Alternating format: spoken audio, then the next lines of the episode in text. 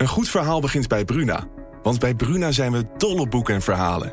Verhalen zoals deze. De slagen van de noodklok dreunen over het dorp. Zwaar en dreigend. Ze overstemmen de gemoedelijke drukte op de markt. En alle handelingen vallen stil. Wat zou er aan de hand zijn? vraagt Oda ongerust. Wil jij weten hoe dit afloopt? Je leest het in Bloedlijn van Simone van der Vlucht. Nu bij Bruna.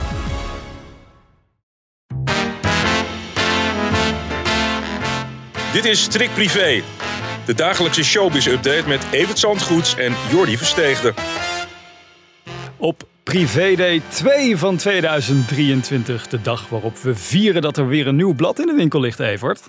Vieren we dat? Ja, Ja. nou ja, het is wel altijd een, eh, het is een hele klus op de maandag om dat eh, voor elkaar te krijgen. Ja. En op woensdag is hij er weer. Dat is altijd wel leuk. Ja, Mensen kijken er naar uit. Dat, is, eh, dat, dat is een wetenschap als een, eh, als een koe.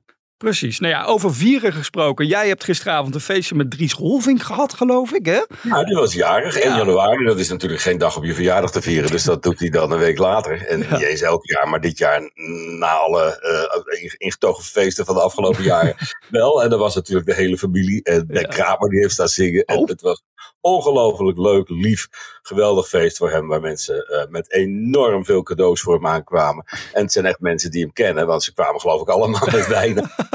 En eh, nou, die vloeide ook rijkelijk. Dus het was een, eh, op de dinsdagavond een heerlijke, heerlijke avond. Ik kan me voorstellen dat het voor hem ook een, een, een dubbel jaar is natuurlijk met het laatste nieuws rondom Donny, hè, wat we hebben gehad. Dat is nu weer eigenlijk helemaal goed. Werd daar ook nog ja, daar extra... ging het ook ja. totaal niet over. Dat doet hij op zijn eigen manier. En dat is een stoere gozer die eh, goede uitslagen heeft als laatste. Mhm. Dus eh, ja, dat is eh, wel weer een ding in de familie. ja. Maar het lijkt de goede kant op te gaan, ja. En ja. heb je ook nog staan proosten met Honoria, de vrouw van Dries. Natuurlijk, Ja. onze nieuwe collega, en Honoria, die heeft de rubriek Bubbels overgenomen. Ja. Ik mag wel zeggen, de populaire rubriek Bubbels, waar ook eh, glaasjes worden uitgedeeld, zoals je weet. Eh, Ja. vijf glaasjes voor de beste outfit en één voor een hele slechte. Mhm. En we dachten, eh, Jeroen Kamphuis heeft dat jaren gedaan, de stylist van de sterren. En toen dachten we, nou, we moeten weer eens iemand anders vragen daarvoor. Ja. En in de rijke geschiedenis, we hebben zelfs Victor en Rolf jaren gehad die, die Oh. dat deden. En nu Honoria, die werkt natuurlijk in de, in de PC Hoofdstraat, de beroemde PC Mhm. Hoofdstraat, in een bekende herenmodezaak. Nou, Dries ziet er ook altijd uit om door een ringetje te halen. Dus zij gaat in geval het komende jaar die, eh, die rubriek doen. En daar hebben we natuurlijk gisteren ook even op geproost als eh, nieuwe collega's van elkaar. Ja, hartstikke mooi. Ja, ze geeft ook een interview en daarin zegt ze dat ze het nog wel moeilijk vindt om een beetje kritisch te zijn, om negatief te zijn. Maar dan de eerste jurk die ze beoordeelt, daarvan zegt ze al meteen dat die mevrouw haar borsten niet lekker in de jurk passen. Ze zit er lekker in meteen. En het Ja. is een eh, schat van een mens. En ik stel me er heel veel van voor dat het... eh, ja, het is een van de pijlers van het, van het weekblad. ja. En eh, ja, ik stel me voor dat ze dat heel leuk gaat doen. Hoeveel glaasjes krijgt het boek van Harry volgens jou? Want je hebt het denk ik helemaal gelezen nu. Eh, nou ja, ik had een feestje gisteravond, zoals je weet. Maar vier glaasjes krijgt het, eh, krijgt het zeker. En dat is vooral door de toon van het boek. Het is allemaal zo heerlijk opgeschreven. En Mhm. qua inhoud vind ik het hier en daar wel heel erg dom.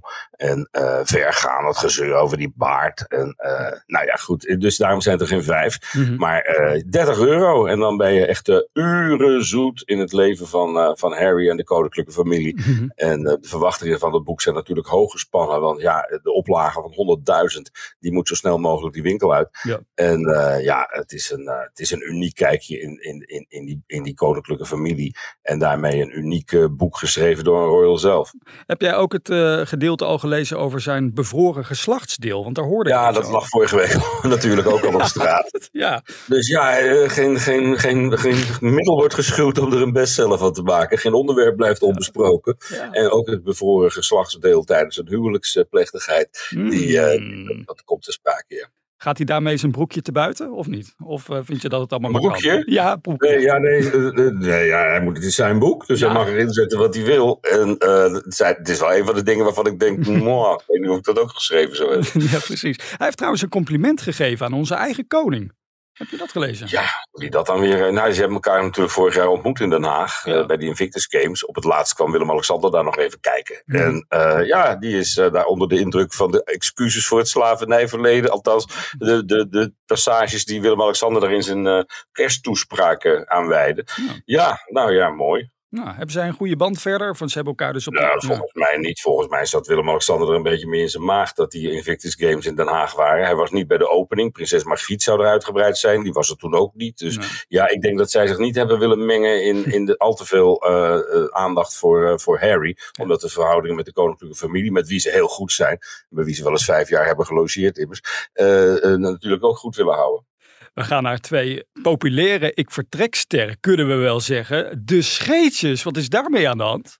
Nou ja, die waren uit elkaar met ja. uh, slaande deuren en een heleboel uh, ellende. Zij zat ineens in, in Nederland en hij had niet begrepen dat ze naar Nederland ging om daar te blijven. Vervolgens ontstaat er een ongelofelijke vechtscheiding met verwijten die over de oceaan vlogen van links naar rechts. En ze wilden niets meer met elkaar te maken hebben. En zij had zelfs op een gegeven moment een relatie met zijn broer.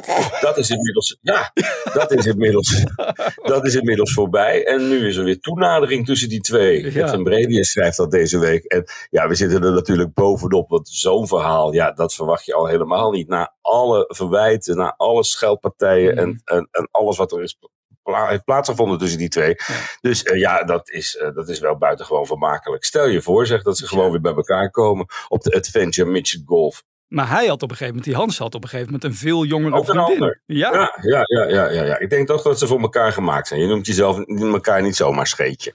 We gaan naar... Maar dit komt als uh, een donderslag. ja, ik, nou, ben heel benieuwd hoe dat eindigt in uh, 2023. We gaan naar ons eigen scheetje. Onze grote vriend van de show, Peter Gillis. Zijn auto is gespot voor, uh, voor het politiebureau. Ja, ja in, de, in België. Maar wat hij daar dan weer te schaften heeft, uh, uh, ik, ik, ik weet het niet. Ja, ik, ik Peter Gillis.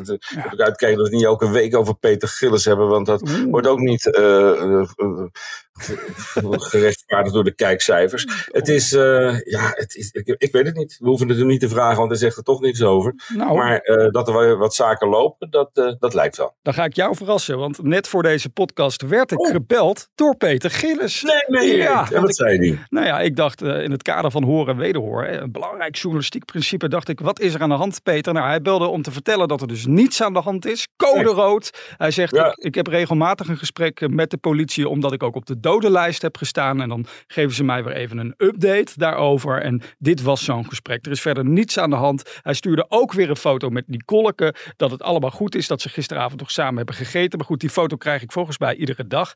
Maar dat is de stand van zaken. Nou, nou, mooi hoor. Zie we hadden wel kunnen denken dat er wat aan de hand was met Peter Gillis. Ja. Zullen wij dan positief eindigen met Edwin Rutte? Want die is vandaag 80 jaar geworden.